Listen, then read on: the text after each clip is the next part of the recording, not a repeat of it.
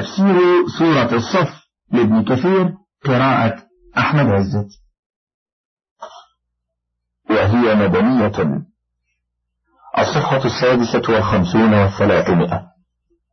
قال الإمام أحمد حدثنا يحيى بن آدم حدثنا ابن المبارك عن الأوزاعي عن يحيى بن أبي كثير عن أبي سلمة وعن عطاء بن يسار عن أبي سلمة عن عبد الله بن سلام قال تذاكرنا أيكم يأتي رسول الله صلى الله عليه وسلم فيسأله أي الأعمال أحب إلى الله؟ فلم يقل أحد منا. فأرسل رسول الله صلى الله عليه وسلم إلينا رجلا رجلا. فجمعنا فقرأ علينا هذه السورة يعني سورة الصف كلها. هكذا رواه الإمام أحمد. وقال ابن أبي حاتم حدثنا العباس بن الوليد ابن مرشد البيروتي قراءة قال أخبرني أبي. سمعت الأوزاعي حدثني يحيى بن أبي كثير حدثني أبو سلمة ابن عبد الرحمن حدثني عبد الله بن سلام أن أناسا من أصحاب رسول الله صلى الله عليه وسلم قالوا لو أرسلنا إلى رسول الله نسأله عن أحب الأعمال إلى الله عز وجل فلم يذهب إليه أحد منا. وهبنا أن نسأله عن ذلك. قال فدعا رسول الله صلى الله عليه وسلم أولئك النفر رجلا رجلا حتى جمعهم ونزلت فيهم هذه السورة. سبح لله الصف. قال عبد الله بن سلام فقرأها علينا رسول الله صلى الله عليه وسلم كلها. قال أبو سلمة وقرأها علينا عبد الله بن سلام كلها. قال يحيى بن أبي كثير وقرأها علينا أبو سلمة كلها. قال الأوزاعي وقرأها علينا يحيى بن أبي كثير كلها. قال أبي وقرأها علينا الأوزاعي كلها. وقد رواه الترمذي عن عبد الله بن عبد الرحمن الدارمي حدثنا محمد بن كثير عن الأوزاعي عن يحيى بن أبي كثير عن أبي سلمة عن عبد الله بن سلام قال قعدنا نفرا من أصحاب رسول الله صلى الله عليه وسلم فتذاكرنا فقلنا لو نعلم أي الأعمال أحب إلى الله عز وجل لعملناه فأنزل الله تعالى سبح لله ما في السماوات وما في الأرض وهو العزيز الحكيم. يا أيها الذين آمنوا لم تقولون ما لا تفعلون؟ قال عبد الله بن سلام فقرأها علينا رسول الله صلى الله عليه وسلم. قال أبو سلمة فقرأها علينا ابن سلام قال يحيى فقرأها علينا أبو سلمة. قال ابن كثير فقرأها علينا الأوزاعي. قال عبد الله فقرأها علينا ابن كثير. ثم قال الترمذي وقد خولف محمد بن كثير في إسناد هذا الحديث عن الأوزاعي.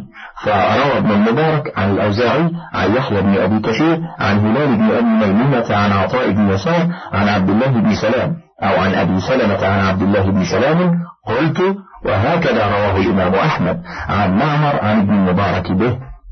قال الترمذي وروى الوليد بن مسلم هذا الحديث عن الأوزاعي نحو رواية محمد بن كثير قلت وكذا رواه الوليد بن يزيد عن الأوزاعي كما رواه ابن كثير. قلت وقد أخبرني بهذا الحديث الشيخ المسند أبو العباس أحمد بن أبي طالب الحجاج قراءة عليه وأنا أسمع. أخبرنا أبو المنجا عبد الله بن عمر بن اللتي أخبرنا أبو الوقت عبد الأول بن عيسى بن شعيب السجزي قال أخبرنا أبو الحسن ابن عبد الرحمن بن المظفر بن محمد بن داود الداودي أخبرنا أبو محمد عبد الله بن أحمد بن حمويه السرخسي أخبرنا عيسى بن عمر بن عمران السمرقندي أخبرنا الإمام الحافظ أبو محمد عبد الله بن عبد الرحمن الدارمي بجميع مسنده. أخبرنا محمد بن كثير عن الأوزاعي فذكر بإسناده مثله. وتسلسل لنا قراءتها إلى شيخنا أبي العباس الحجار ولم يقرأها لأنه كان أميا. وضاق الوقت عن تلقينها إياه. ولكن أخبرني حافظ الكبير أبو عبد الله محمد بن أحمد بن عثمان رحمه الله الذهبي.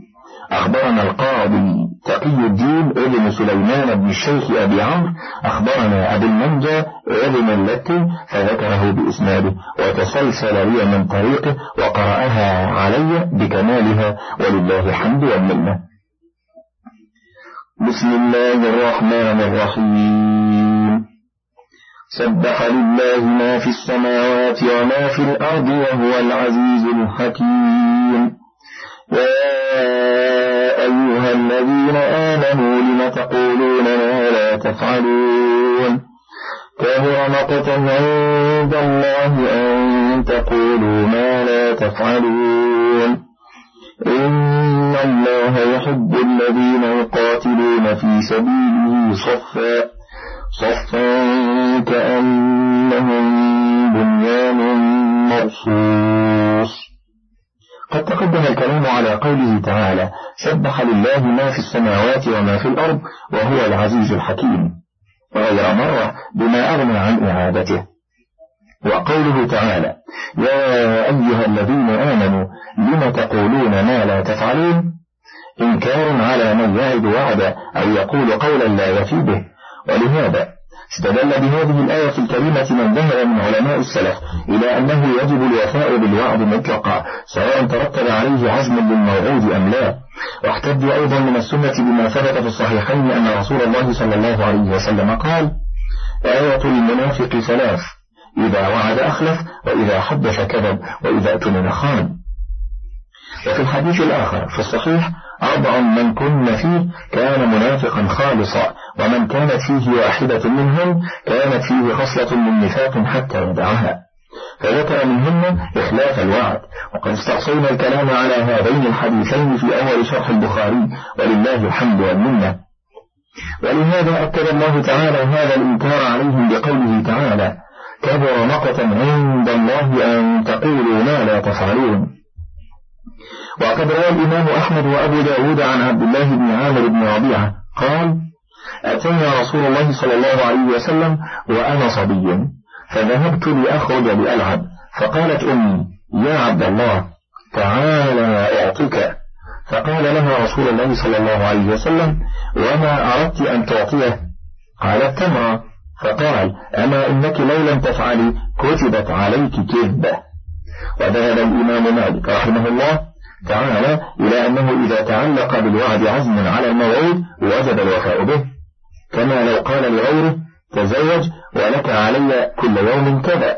فتزوج وجب عليه أن يعطيه ما دام كذلك لأنه تعلق به حق آدمي وهو مبني على المضايقة. وذهب الجمهور إلى أنه لا يجب مطلقا.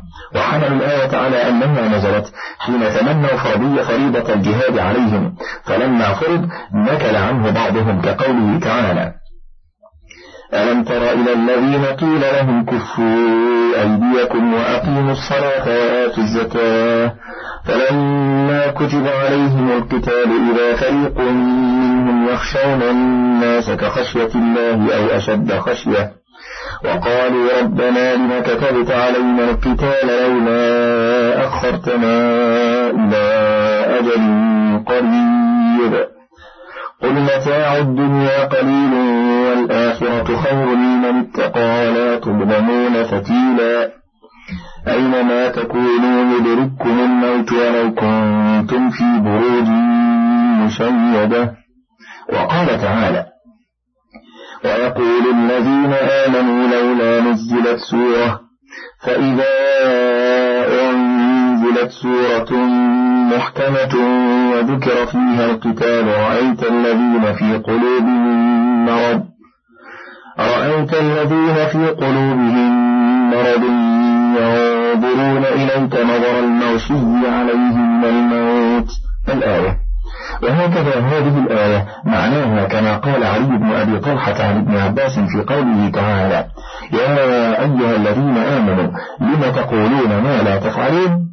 قال كان ناس من المؤمنين قبل أن يفرض الجهاد يقولون لا يدلنا أن الله عز وجل دلنا على أحب الأعمال إليه فنعمل به. فأخبر الله نبيه أن أحب الأعمال إليه إيمان به لا شك فيه. وجهاد أهل معصيته الذين خالفوا الإيمان ولم يقروا به فلما نزل الجهاد كره ذلك ناس من المؤمنين وشق عليهم أمره فقال الله سبحانه وتعالى يا أيها الذين آمنوا لم تقولون ما لا تفعلون؟ وهذا اختيار ابن جرير. وقال مقاتل بن حيان قال المؤمنون لو نعلم أحب الأعمال إلى الله لعملنا به فدلهم الله على أحب الأعمال إليه فقال إن الله يحب الذين يقاتلون في سبيله صفا فبين لهم فابتلوا يوم أحد بذلك فولوا عن النبي صلى الله عليه وسلم مدبرين فأنزل الله في ذلك يا أيها الذين آمنوا لم تقولون ما لا تفعلون. وقال أحبكم إلي من قاتل في سبيلي. ومنهم من يقول أنزلت في شأن القتال. رجل يقول قاتلت ولم يقاتل وطعنت ولم يطعن وضربت ولم يضرب وصبرت ولم يصبر. وقال قتالة والضحاك نزلت توبيخا لقوم كانوا يقولون قتلنا ضربنا طعنا وفعلنا ولم يكونوا فعلوا ذلك. وقال ابن زيد نزلت في قوم من المنافقين كانوا يعيدون المسلمين النصر ولا يفون لهم بذلك. وقال مالك عن زيد بن أسلم لم تقولون ما لا تفعلون؟ قال الجهاد. وقال ابن أبي النجيح عن مجاهد لم تقولون ما لا تفعلون؟ إلى قوله كأنهم بنيان مرصوص فما بين ذلك في نفع من الأنصار؟ فيهم عبد الله ابن رواحة قالوا في مجلس لو نعلم أي الأعمال أحب إلى الله لعملنا به حتى نموت. فأنزل الله تعالى هذا فيهم فقال عبد الله بن رواحة لا أبره حديثا في سبيل الله حتى أموت. فقتل شهيدا. وقال ابن أبي حاتم حدثنا أبي حدثنا ثروة بن أبي المراء حدثنا علي بن مسهر عن داود بن أبي هند عن أبي حرب بن أبي الأسود الدالي عن أبيه قال بعث أبو موسى إلى قراء أهل البصرة فدخل عليه منهم ثلاثمائة رجل كلهم قد قرأ القرآن. فقال أنتم قراء أهل البصرة وخيارهم. وقال كنا نقرأ سورة كنا نشبهها بإحدى المسبحات فأنسيناها غير أني قد حفظت منها. يا أيها الذين آمنوا لم تقولون ما لا تفعلون؟ فتكتب شهادة في أعناقكم فتسألون عنها يوم القيامة. ولهذا قال تعالى إن الله يحب الذين يقاتلون في سبيله صفا كأنهم بنيان مرصوص. فهذا إخبار من الله تعالى بمحبته عباده المؤمنين إذا صفوا مواجهين لأعداء الله في حومة الورى يقاتلون في سبيل الله من كفر بالله لتكون كلمة الله هي العليا ودينه هو الظاهر العالي على سائر الأديان. قال الإمام أحمد حدثنا علي بن عبد الله حدثنا هشيم أخبرنا مجالد عن أبي الوداد عن أبي سعيد الخدري رضي الله عنه قال قال رسول الله صلى الله عليه وسلم ثلاثة يضحك الله إليهم الرجل يقوم من الليل والقوم إذا صفوا للصلاة والقوم إذا صفوا للقتال. ورواه ابن ماجة من حديث مجالد عن أبي الوداد جابر بن نوفل وقال ابن أبي حاتم حدثنا أبي حدثنا أبو نعيم الفضل بن بكيم حدثنا الأسود يعني بن شيبان حدثني يزيد بن عبد الله بن الشخير. قال قال مقرف كان يبلغني عن أبي ذر حديث كنت أشتهي لقاءه فلقيته فقلت يا أبا ذر كان يبلغني عنك حديث فكنت أشتهي لقاءك. فقال لله أبوك. فقد لقيت فهاتي. فقلت كان يبلغني عنك أنك تزعم أن رسول الله صلى الله عليه وسلم حدثكم أن الله يبغض ثلاثة ويحب ثلاثة. قال أجل. فلا يخالني أكذب على خليل صلى الله عليه وسلم. قلت فمن هؤلاء الثلاثة الذين يحبهم الله عز وجل. قال رجل غزا في سبيل الله خرج محتسبا مجاهدا فلقي العدو فقتل. وأنتم تجدونه في كتاب الله المنزل. ثم قرأ إن الله يحب الذين يقاتلون في سبيله صفا صفا كأنهم بنيان مرصوص. وذكر الحديث هكذا أورد هذا الحديث من هذا الوجه بهذا السياق. وهذا اللفظ واختصره وقد أخرجه الترمذي والنسائي من حديث شعبة عن منصور بن المعتمر عن ربعي بن حراش عن زيد بن ذبيان عن أبي ذر بأبي سطى من هذا السياق وأتم. وقد أوردناه في موضع آخر ولله الحمد.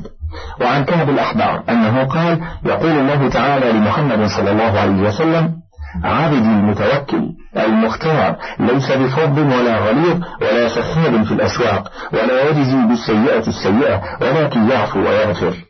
مولده بمكة وهجرته بطابة وملكه الشام وأمته الحمادون يحمدون الله على كل حال وفي كل منزلة.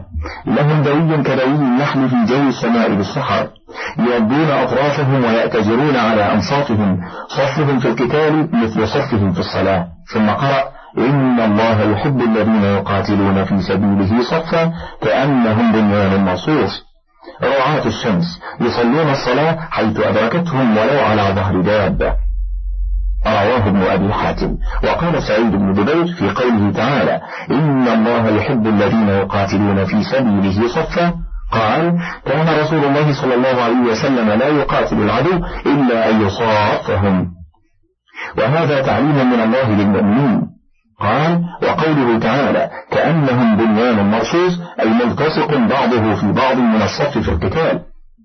وقال المقاتل بن حيان ملتصق بعضه إلى بعض. وقال ابن عباس كأنهم بنيان مرصوص مثبت لا يزول ملصق بعضه ببعض.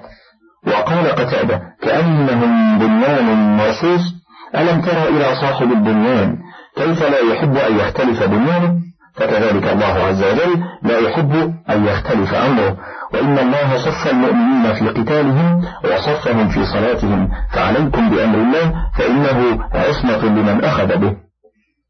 أورد ذلك كله ابن أبي حاتم وقال ابن جرير حدثني سعيد بن عمرو السكوني حدثنا بقية بن الوليد عن أبي بكر بن أبي مريم عن يحيى بن جابر الطائي عن أبي بحرية قال كانوا يكرهون القتال على الخيل ويستحبون القتال على الأرض لقول الله عز وجل إن الله يحب الذين يقاتلون في سبيله صفا كأنهم بنيان مرصوص. قال وكان أبو بحرية يقول إذا رأيتموني التفت في الصف فجئوا في لحي. وإذ قال موسى لقومه يا قوم لم تؤذونني وقد تعلمون أني رسول الله إليكم. فلما زاغوا أزاغ الله قلوبهم والله لا يهدي القوم الفاسقين.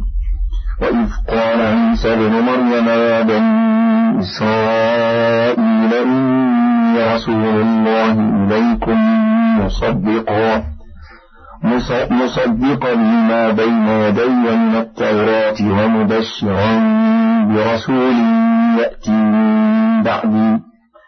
يأتي من بعد اسمه أحمد فلما جاءهم بالبينات قالوا قالوا هذا سحر مبين. يقول تعالى مخبرا عن عبده ورسوله وكبيره موسى بن عمران عليه السلام أنه قال لقومه لم تؤذونني؟ وقد تعلمون أني رسول الله إليكم.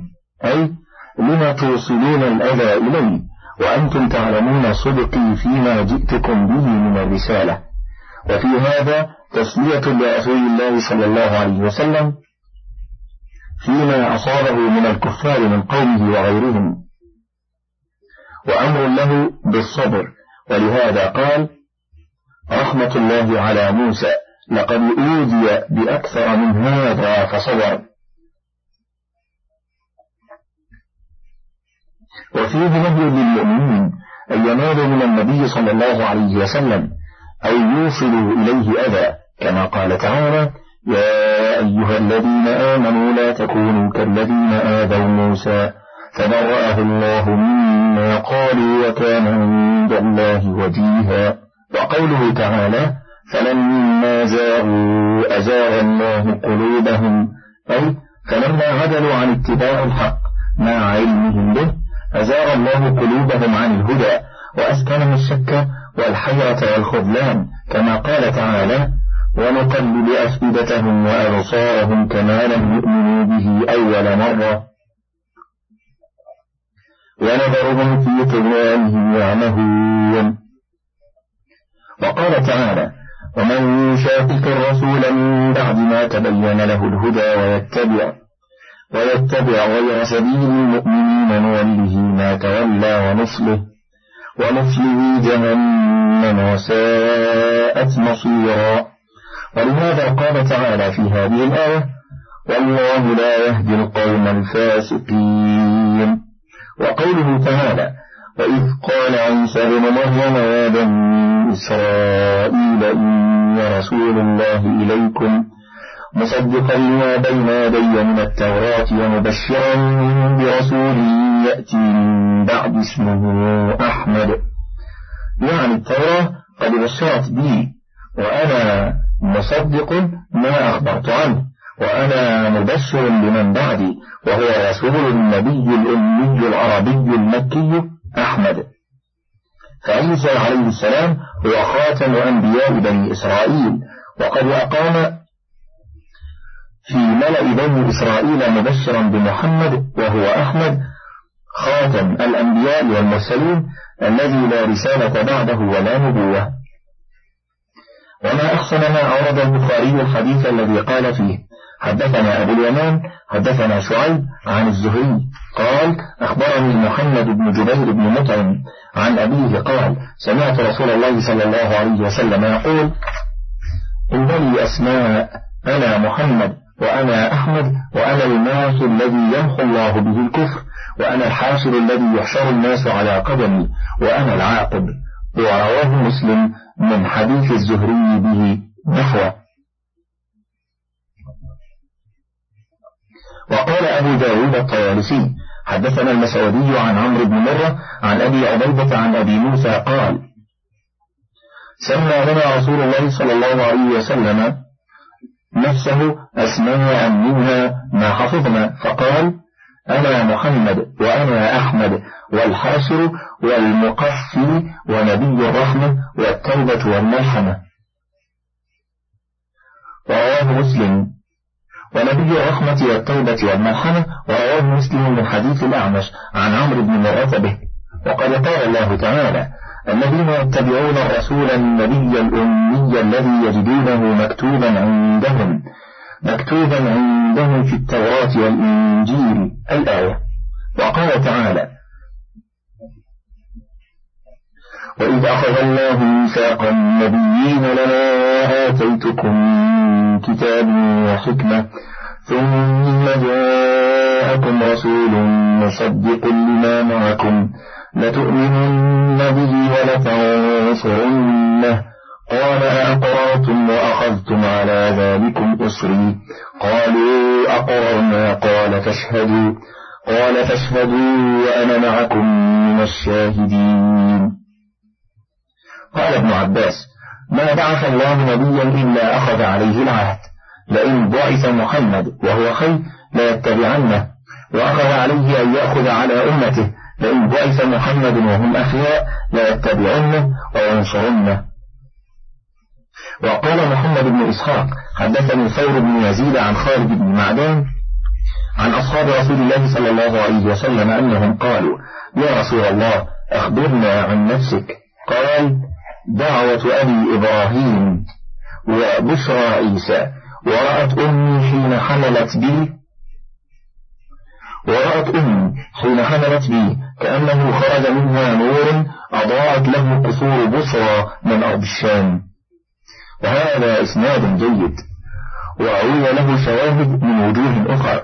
فقال الإمام أحمد حدثنا عبد الرحمن بن مهدي حدثنا معاوية بن صالح عن سعيد بن سويد الكلبي عن عبد الأعلى بن هلال السلمي عن العرباض بن سارية قال قال رسول الله صلى الله عليه وسلم إن إني عند الله لخاتم النبيين وإن آدم لمنجذب في طينته وسأنبئكم بأول ذلك.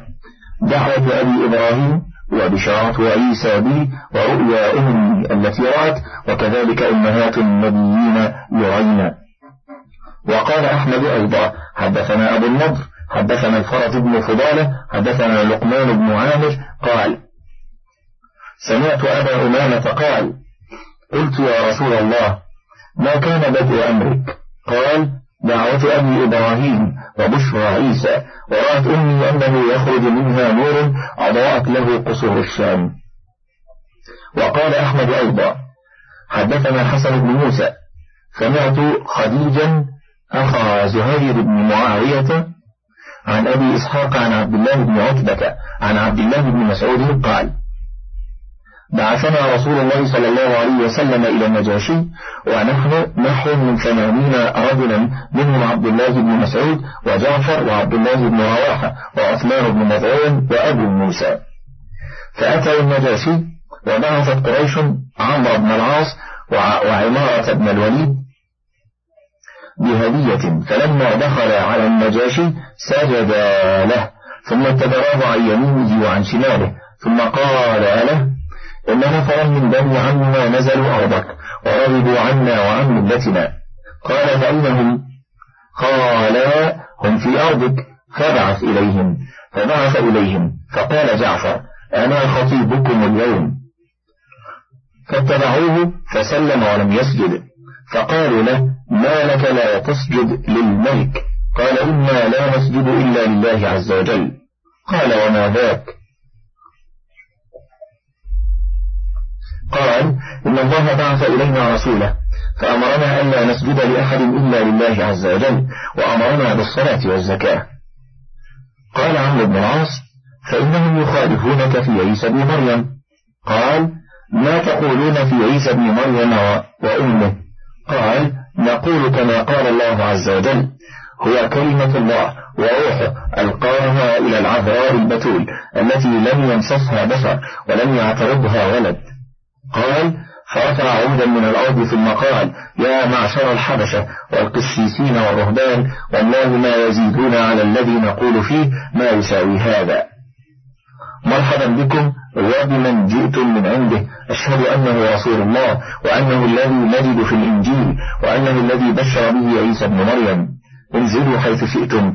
والله لولا ما أنا فيه من الملك لأتيته حتى أكون أنا أحمل نعليه وأودئه وأمر بهدية الآخرين فعدت إليهما. ثم تعجل عبد الله بن مسعود حتى أدرك بدرا وزعم أن النبي صلى الله عليه وسلم استغفر له حين بلغه موته. وقد رويت هذه القصة عن جعفر وأم سلمة رضي الله عنهما. وموضع ذلك كتاب السيرة والمقصد أن الأنبياء عليهم السلام لم تزل تنعت وتحكيه في كتبها على أممها وتأمرهم باتباعه ونصره وموازرته إذا بعث. وكان مشتهى الأمر في أهل الأرض على لسان إبراهيم على لسان إبراهيم الخليل والد الأنبياء بعده حين دعا لأهل مكة أن يبعث الله فيهم رسولا منهم وكذا على لسان عيسى بن مريم. ولهذا قالوا أخبرنا عن بدء أمرك يعني في الأرض. قال دعوة أبي إبراهيم وبشارة عيسى بن مريم ورؤيا أمه التي رأت. أي ظهر في أهل مكة أثر ذلك.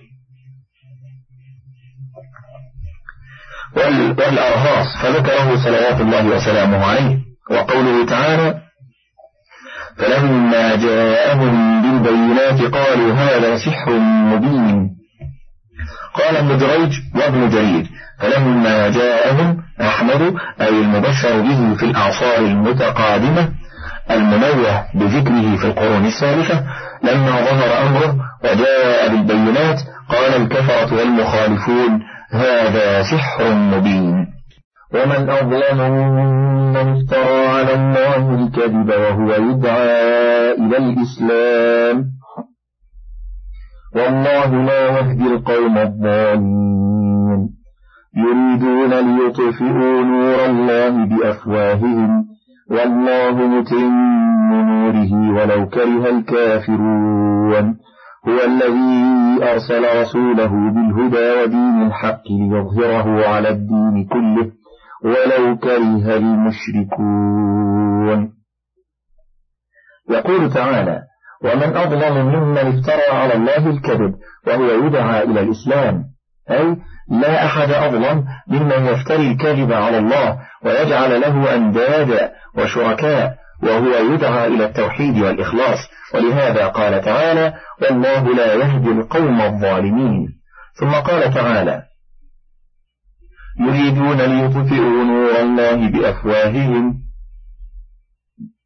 أي يحاولون أن يردوا الحق بالباطل ومثلهم في ذلك كمثل من يريد أن يطفئ شعاع الشمس بفيه وكما أن هذا مستحيل كذاك ذلك مستحيل. ولهذا قال تعالى والله متم نوره ولو كره الكافرون هو الذي أرسل رسوله بالهدى ودين الحق ليظهره على الدين كله ولو كره المشركون. وقد تقدم الكلام على هاتين الآيتين في سورة براءة بما فيه كفاية ولله الحمد والمنة. يا أيها الذين آمنوا هل أدلكم على تجارة؟ على تجارة تنجيكم من عذاب أليم. تؤمنون بالله ورسوله وتجاهدون في سبيل الله بأموالكم وأنفسكم. ذلكم خير لكم إن كنتم تعلمون. يغفر لكم ذنوبكم ويدخلكم جنات تجري من تحتها الأنهار ومساكن ومساكن طيبة في جنات عدن. ذلك الفوز العظيم. وأخرى تحبونها نصر من الله وفتح قريب وبشر المؤمنين. تقدم في حديث عبد الله بن سلام أن الصحابة رضي الله عنهم أرادوا أن يسألوا رسول الله صلى الله عليه وسلم عن أحب الأعمال إلى الله عز وجل ليفعلوه. فأنزل الله تعالى هذه السورة ومن جملتها هذه الآية. يا أيها الذين آمنوا هل أدلكم على تجارة تنجيكم من عذاب أليم؟ ثم فسر هذه التجارة العظيمة التي لا تبور التي هي محصلة للمقصود ومزيلة, ومزيلة للمحظور. فقال تعالى تؤمنون بالله ورسوله وتجاهدون في سبيل الله بأموالكم وأنفسكم ذلكم خير لكم إن كنتم تعلمون.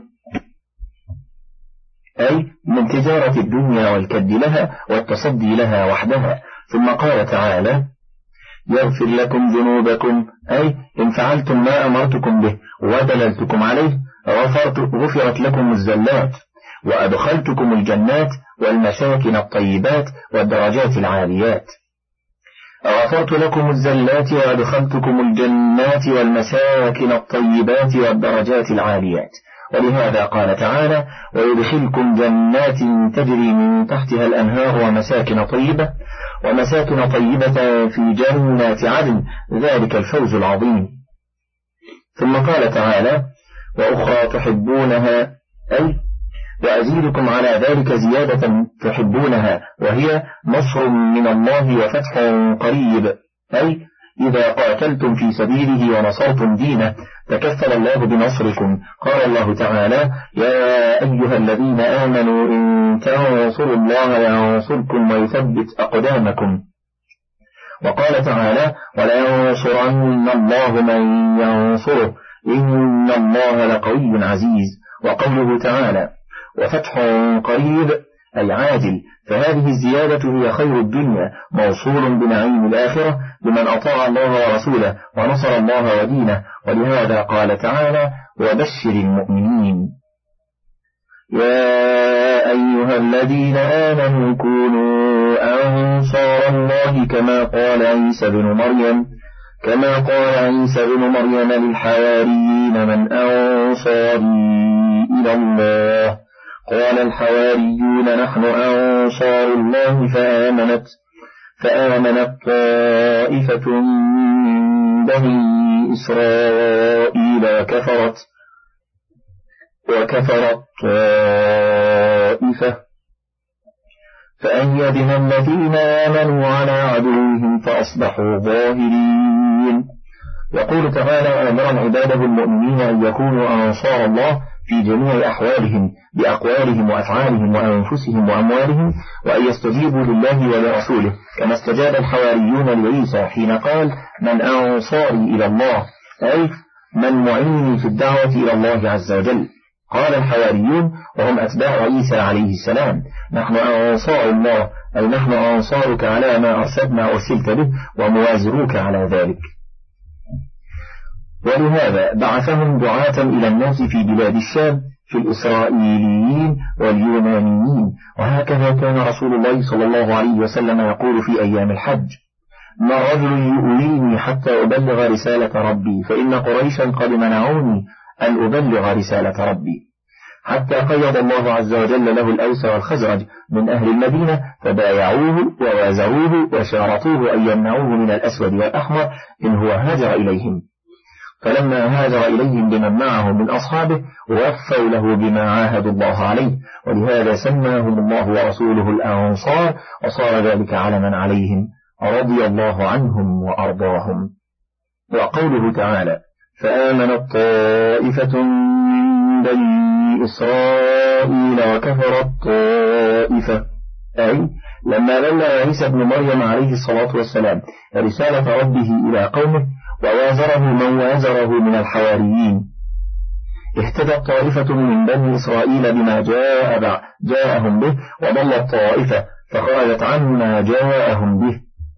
وجحدوا نبوته ورموه وأمه بالعظائم وهم اليهود عليهم لعائم الله المتتابعة إلى يوم القيامة.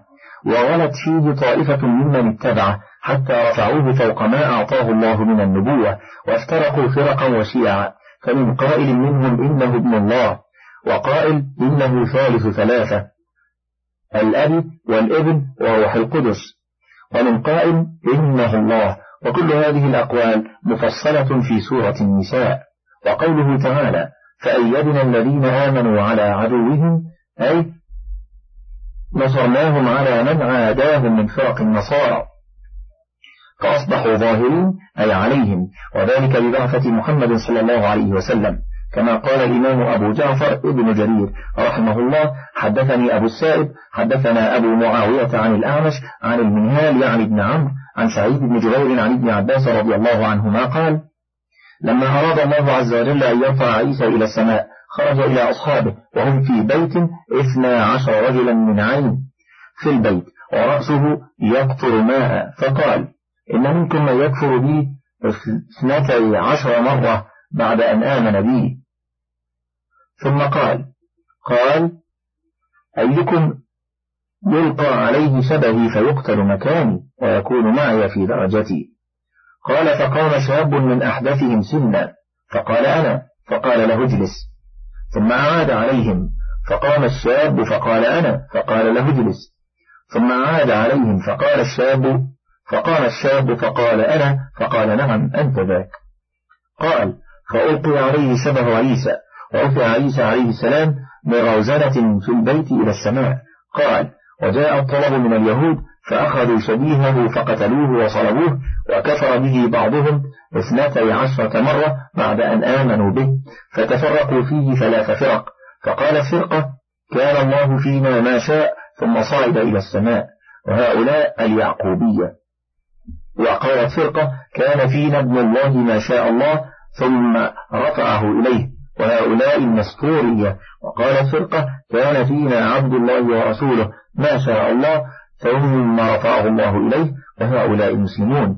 فتظاهرت الكافرتان على المسلمة فقتلوها فلم يزل الإسلام طامسا حتى بعث الله محمد صلى الله عليه وسلم.